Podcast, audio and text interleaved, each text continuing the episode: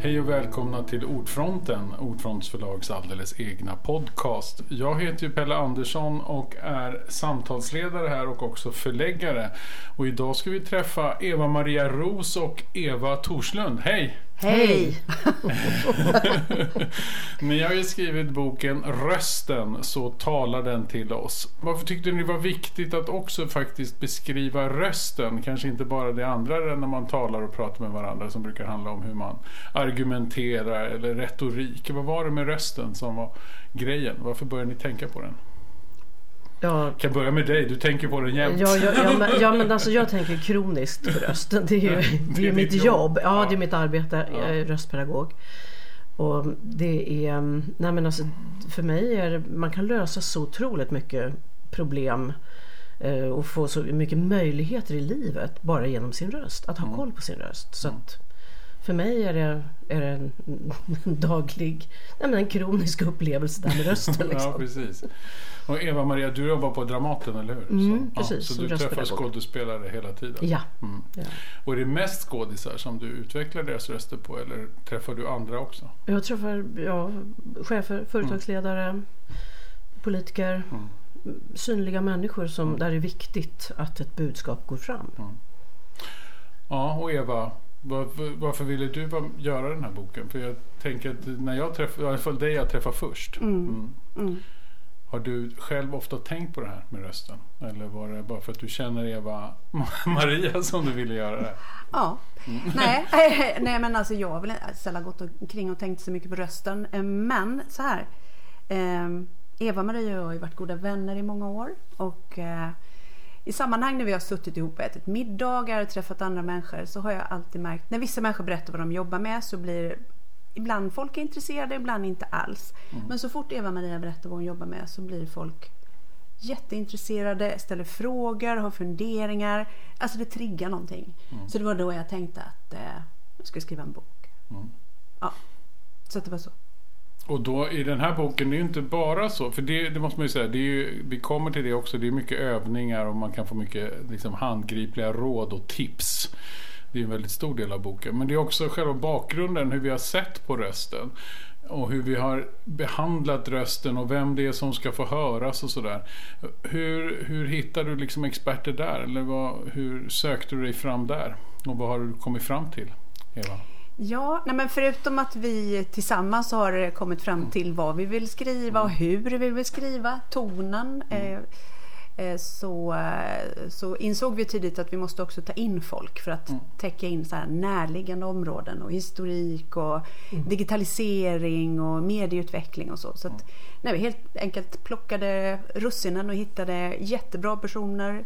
Psykologer, eh, läkare, präster eh, och så har vi haft samtal, jättespännande samtal och så har vi använt det när vi har skrivit. Mm. Och vad, är ofta, vad kan vara ett vanligt problem då? När man, med det här med rösten. Vad är det som gör att man till exempel inte blir hörd då, kanske i ett sammanhang? Eller liksom, var- varför räknas vissa röster och andra inte? Vem som helst av er får svara på den frågan. Ja, det finns ju mycket som kan gå fel på något sätt. Men, men röst är också någonting som är väldigt personligt och har med ens identitet att göra. Och det är, allting fastnar ju i rösten. Känslor, upplevelser, sinnesstämningar, allt det här finns ju i rösten. Man känner igen en, en sorgsen röst eller en glädjerik röst. Eller man- Det, är- det är så lätt att, att höra vad rösten innehåller. Och är, är det då nu gör jag sådana här citationstecken i, i luften så här. Fel röst till fel sammanhang så blir det ju konstigt till exempel.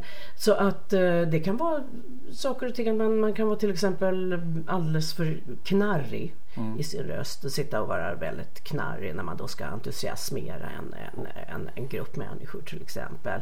Det kanske inte går så bra. Och då undrar man varför lyckas jag inte entusiasmera min arbetsgrupp? Och det kan handla om väldigt enkla saker. Eller, eller det kan vara tvärtom. Varför är jag alldeles för yster och, och, och, och glad när jag sitter och jobbar på en begravningsbyrå? Eller alltså det, det är olika. Jag tänker på det själv ibland när jag gör podden. För jag brukar ofta, jag har väldigt lätt till skratt. Och skrattar liksom hela tiden.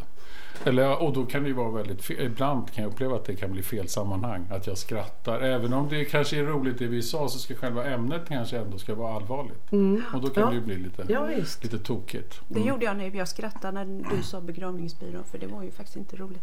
Jag skrattade inte. Ja. Nej men får man lägga till någonting Ja, här? Men jag tänker att det påverkas ju mycket har man ju med sig från sin uppväxt. Mm. Från eh, hur man har hanterats och bemötts i skolan, av familjen, på arbetsplatser. Alltså, Mm. eh, har man fått utrymme att prata? Eh, lyssnar folk på en? Mm. För det handlar ju jättemycket om det.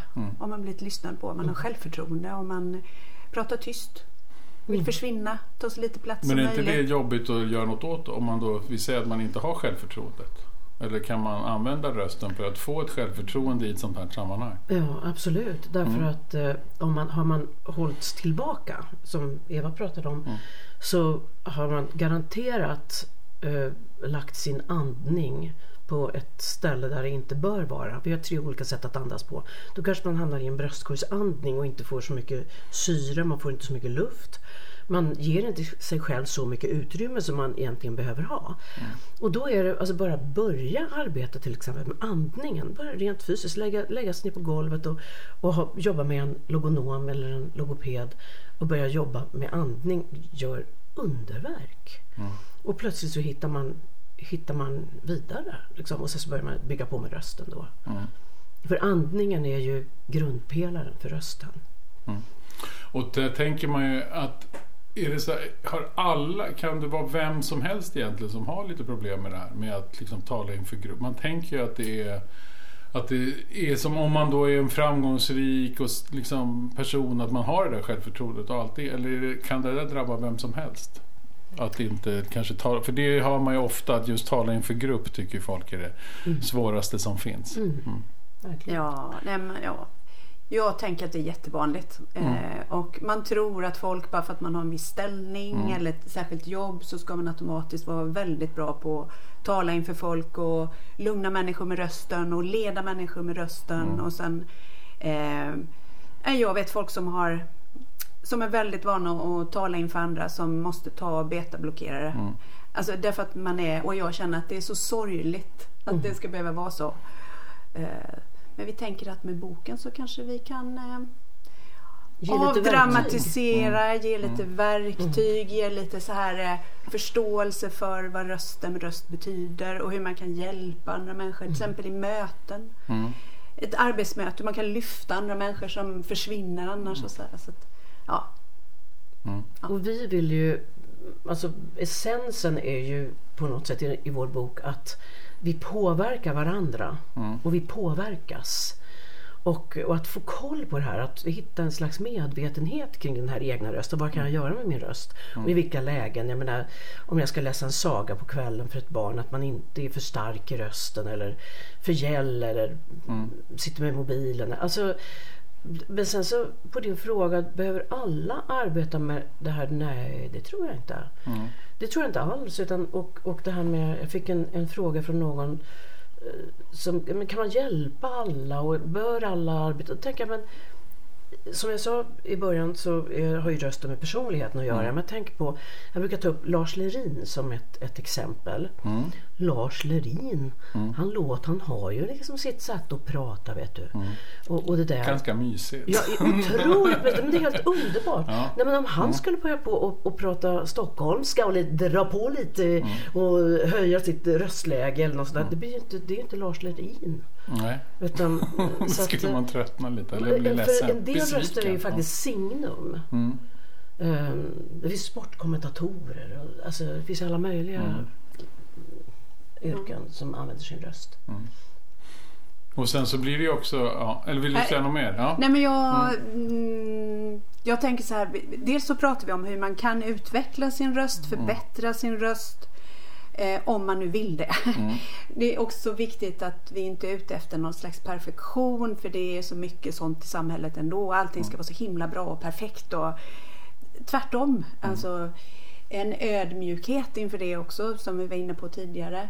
Men också att kanske man inte ska använda sin röst hela tiden mm. i ett samtal med andra eller inför andra. Man ska lyssna in, man ska känna in, man ska um, en viktig sak som vi skriver om det är också att vara oerhört närvarande i mm. stunden. Mm. Alltså annars blir det inget samtal och det spelar ingen roll hur skicklig man är för då, då går det inte fram i alla fall. Nej, att prata mycket, alltså lyssna är också en del av själva pratandet. Eller kommunikationen. Ja, ja, pauserna. Men också så pratar vi om eh, det här med rösthälsa. Många människor kommer ju och säger jag blir så otroligt trött efter, efter jag pratat i 20 minuter mm. och så ska jag hålla ett anförande i en timme. Mm. Vad kan jag göra?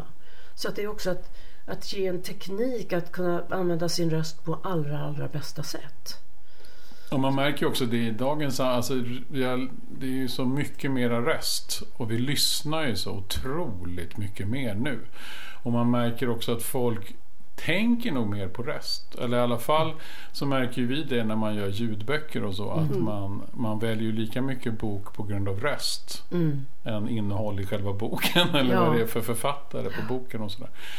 Och märker, har ni märkt det när ni har gjort det här arbetet att folk är mera, alltså att man, är, att man blir så aha, just det, rösten, att man tänker mer på det och pratar mer om det idag än vad man gjorde förr? Eller? Ja, jag tror det. Mm. Alltså, ja, jag tror mm. inte det. Nej. Jag, alltså, tycker vi, tänker vi olika. Nej, nej, men jag, ja, men jag, alltså, jag, jag tänker utifrån till exempel sport, nej inte sport, jag ska inte ta sport.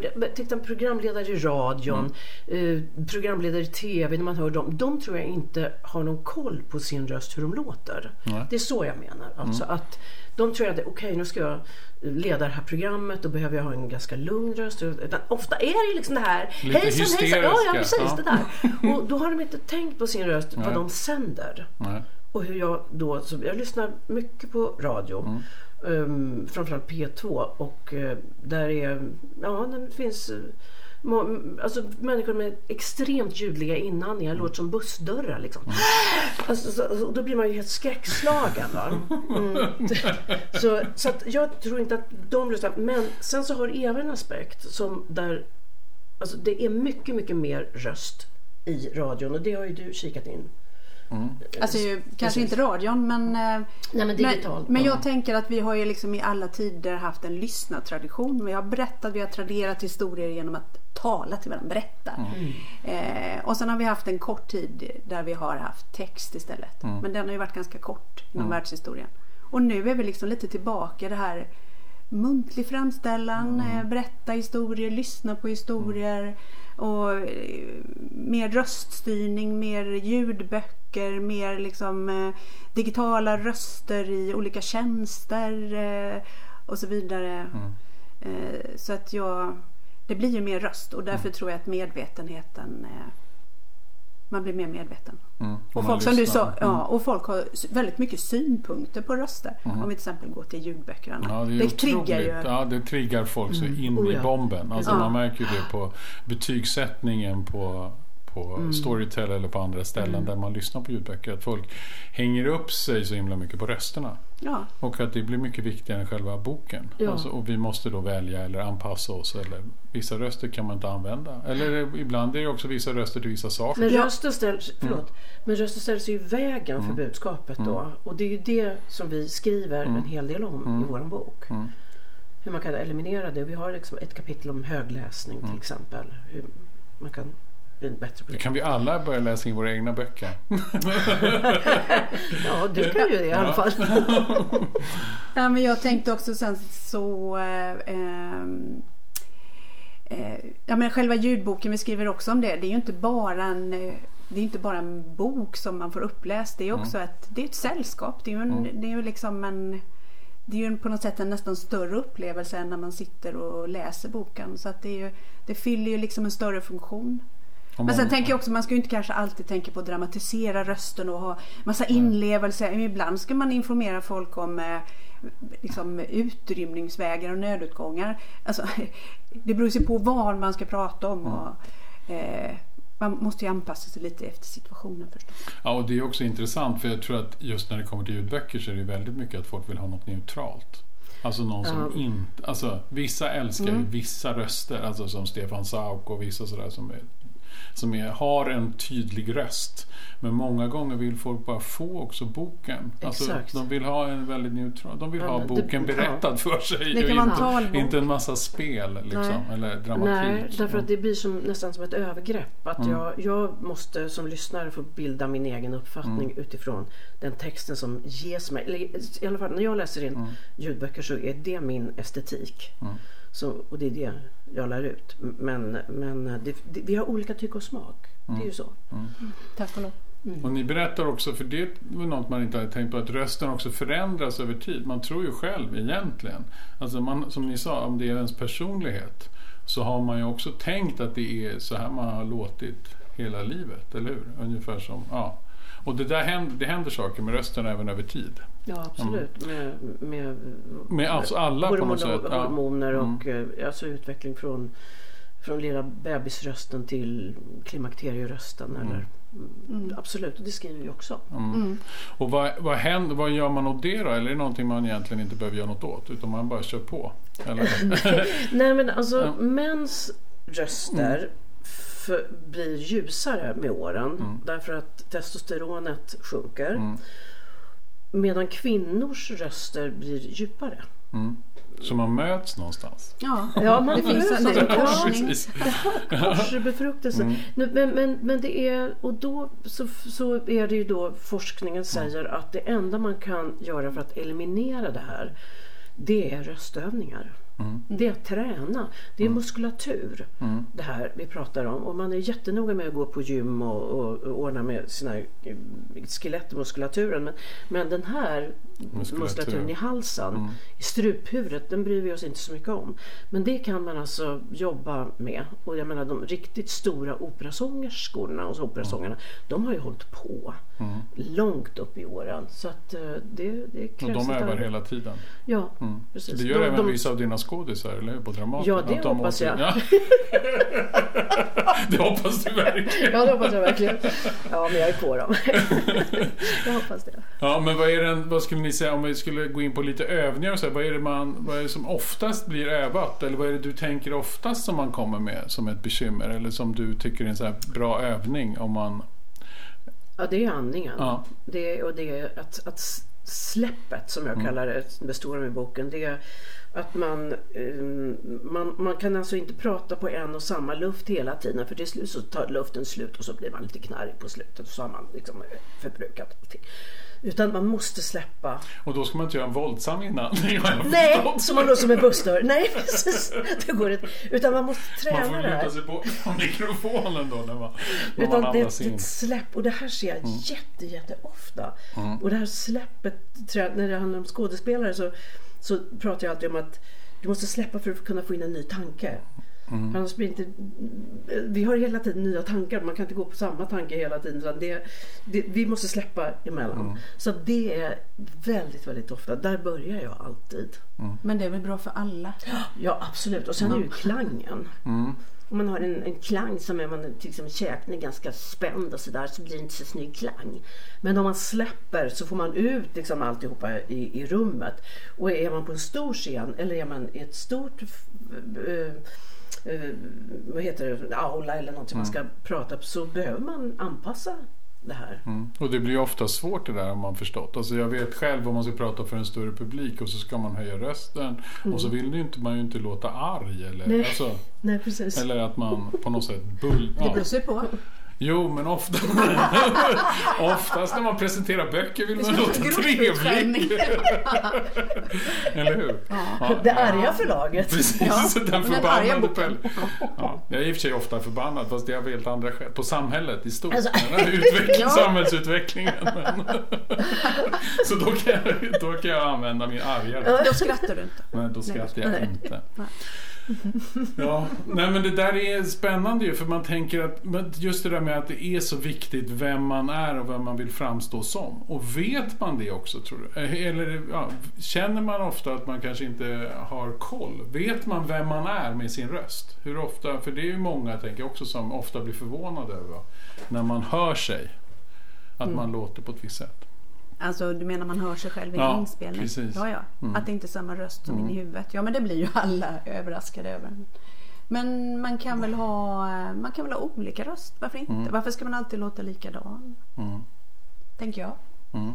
Ja, Så man låter ju lite olika. Vid Ja. olika tillfällen. Ja. precis. När man ringer hem till barnen så har man en viss röst. Ja. Ja. precis. Men har du den rösten när du ska förhandla med en eh, eh, alltså någon, någon, någon författare eller Ja. någonting? Då kan de tycka att jag är lite konstig. Ja, Ja, eller så är det bra. Nej, men röst, att det- röst för rätt tillfälle. Ja, ja. Mm.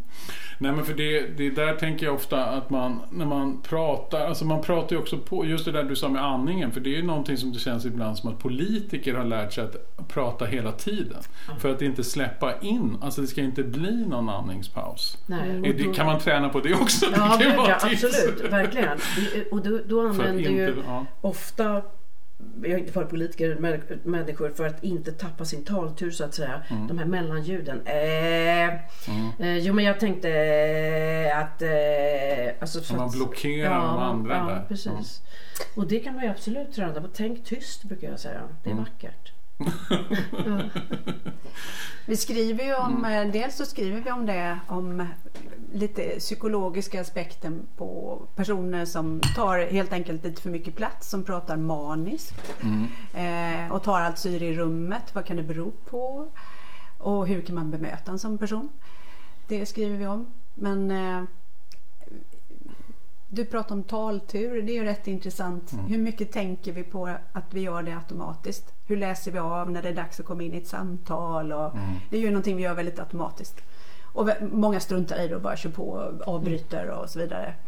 Men eh, det är ju lite spännande när vi börjar prata om robotröster som blir allt vanligare i samhället. Mm. Att det är inte så svårt egentligen kanske att utveckla en robotröst. Men det svåra är den där sista biten, interaktionen människa-maskin. När apparaten, roboten ska läsa av, när det är dags att komma in i ett samtal. Hur läser man av en blick, en rörelse, en andning? Mm. Det är så mycket Det är andra det. saker som styr våra Exakt. samspel och våra samtal. Och när man tittar på, förstår hur svårt det är för en AI-robot, då inser man hur egentligen avancerade grejer vi håller på med, vi människor, Precis. i vår interaktion. Mm. Ja. Och det skriver ju du om också Mm. i boken. Mm. Mm. Och sen så just att man kan möta, det vill också, har också med rösten att göra just att lugna en situation eller stressa upp en situation eller hur man, och det där är också har med, Påverkan. ja precis. Men hur mycket där ligger i andning och sånt också? Är det ofta det här med andningen eller är det också, Absolut. är, är det röstläget? Eller, för det var intressant, jag, vi har en annan författare på förlaget som har opererat halsen. Och hon sa det att hon har också svårt nu att i telefon har svår, folk svårt att avgöra vad hon menar. För hon går inte upp eller Mm. Nej. ner. Alltså det finns vissa Nej, saker hon inte kan göra. Och då kan det ju vara så att skämt inte alls går hem. Eller att hon inte Nej. låter tillräckligt lä- sorgsen. Eller förstår ni? Nu ska vi avsluta. Eller nu ska jag... Mm. Det här, jag ska reagera. Och så kan man inte styra röstläget. Mm. Så märker man att det är otroligt små nyanser Mm. som vi Mm. bedömer på om, Mm. om personen är glad eller ledsen Mm. eller arg eller bara få ett naturligt flöde i Ja. samtalet. Liksom. Mm. Sen skriver ju vi också om sådana här företeelser. Vi, vi, vi, alltså när vi började skriva så bör, vi har hållit på i två och ett halvt år med den här Mm. boken och vi har, det har vidgat. Men du, det där är ju intressant också. Mm. Ja, just det. Och så att det har liksom vidgats. Och sen så kom vi på det här med att det är så otroligt vanligt med fillers och botox. Just det. Och, eh, och, och, och vad händer när man sätter in fillers och botox och när det hamnar lite fel och så vidare. Och, eh, och då kom vi in också på, ja men det finns ju andra såna här saker, det är ju nappen. Alltså barn som använder napp väldigt länge, över, alltså som inte lämnar nappen från två års ålder utan fortsätter längre upp i ålder. Då kan det bli den här, alltså käken förändras, tänderna förändras, tummen, man håller på att suga på tummen länge. Så kan det bli alltså utstående tänder, det blir en traumarisk på grund av det. Och det påverkar talet, otydliga S-ljud, allt sånt där. Och, och också det här med botox det kan väl du berätta lite om Eva? Det här Som med- har botox i hela ansiktet. Nej, det har jag inte. Eh, det får man ha om man vill. Nej, men det är klart det kan ju det kan hamna fel. Det är ju ändå ett nervgift. Det kan skapa en stelhet i ansiktet. Det kan påverka talet. Men det är också, jag menar, Svårt att avläsa. det är svårt att avläsa. Väldigt många människor, många fler än vad man tror, läser på eh, andra människors läppar. Eh, och då blir det väldigt konstigt om man har ett stelt eh, ansikte. Och kanske framförallt för små barn. Tittar väldigt mycket på ansiktet och så är någon stel. Mm, Så att vi, påverkar det hur man uppfattar den personen. Ja, det är ju jätteviktigt. Eh, Och sen, ja, men det behöver inte vara botox. Det kan ju vara om man ständigt snusar så blir man ju lite stel i läppen. Så vi har faktiskt en särskild snusövning. Alltså inte hur man snusar, men hur man... Kan slappna händer- av sin snusläpp. Vad händer när man, då, när man pratar med snus inne jämt? Eller så? Vad, är, vad är det som händer? Vad, är, vad händer med rösten då? Ja, vi har ju den orbicularis oris kallas den muskeln som går runt eh, munnen, en, en ringmuskel. Och den där, när man då har snus innanför överläppen hela tiden så måste man hålla fast det här. Nu är det inte så många som håller på med det här um, lössnuset som man håller på. Nu är det mest små påsar. Men man måste ändå hålla fast det här på något sätt och då blir det en stelhet i muskulaturen. Och sen då så kan den här hänga kvar, den här stelheten. Och det gör ju att man får ett lite, lite alltså stela läppar som man inte artikulerar ordentligt i vokalljuden till exempel. Så att, ehm, ja, det, det är Och- det som ska ske. Och då har vi tre stycken snusövningar i vår bok. Kan man göra dem i radio? Snusövning. Ja, jag tycker att, att uh, lyssnarna ska köpa boken. Ja, precis. Och, och, och titta lite för sig själva och sådär. Så får man väl höra Lära sig Ja, lära sig detta. Men jag tänkte på det här med barnen och, och nappen och tummen och så. Påverkar det talet genom livet sen? Eller är det... Ja, alltså en läspning kan ju vara svår att, få bukt med. Ja. Och den Om- kan uppstå av, Ja, av det nappen kan det göra. Och, eh, det blir korsbett och det blir alltså, Mm. olika saker som vi skriver om där i boken som, som påverkar talet. Mm. Som kan påverka talet. Inte i alla lägen men många gånger gör det det. Vi hade ju mm, samtal med en tandläkare som var väldigt insatt Mm. i detta. Och eh, för att avsluta, vad tycker ni då om, eller vilken övning ändå så här, om man nu har, köper boken, vad tänker man att man skulle ändå kunna göra själv för att liksom träna sig lite eller träna andning eller så? Vad är det, vad är det som är kanske enklast att kasta sig över och vad ska man kunna ha stor nytta av i boken? Kan ju komma med ett par, varsitt tips kanske. Mm. Mitt Förutom tips- snusövningen då. Ja, men mitt tips är att man börjar redan på morgonen i sängen. Mm. Eh, När man vaknar och har stängt av sin klocka och så sätter man upp fotsulorna i så att, man sitter, så att det blir en avspänning i ryggen kommer i Man sitter upp. madrassen. Nej, Ja, man ligger ner. Mm. Och sen så lägger man en hand nedanför naveln och så har man en hand på bröstet och så loggar man in och känner hur andas jag idag? Och så ska man sträva åt att andas så att den nedre handen, den under naveln, den ska lyfta sig och röra sig. Medan den här övre handen på bröstkorgen ska ligga så stilla som möjligt. Och så hittar man den djupa bukandningen. Där tycker jag man ska börja. Då kan man börja sin dag på ett mjukt och skönt och fint sätt. Det är ingen röstövning men det är en början till röstövningar. Mm. Möter man dagen på ett lite bättre sätt. Lite bättre sätt. Mm. Och ja, vad säger du? Ja, jag tänkte säga något annat. Förstås. Ja. Nej, men jag, jag är inte... Eh, jag, jag tänker på övningar har vi gott om. Jättefina övningar. Men jag tänker en annan sak som jag själv har blivit mycket mer varse om. Eh, att om man är närvarande. Oavsett om man står inför massa människor eller om man sitter två personer och pratar med varandra. Om man är riktigt här och nu. Då blir också rösten bättre. Andningen blir bättre. Allting blir bättre om man är här och nu. Och verkligen, verkligen tänker på att nu ska jag lyssna på dig.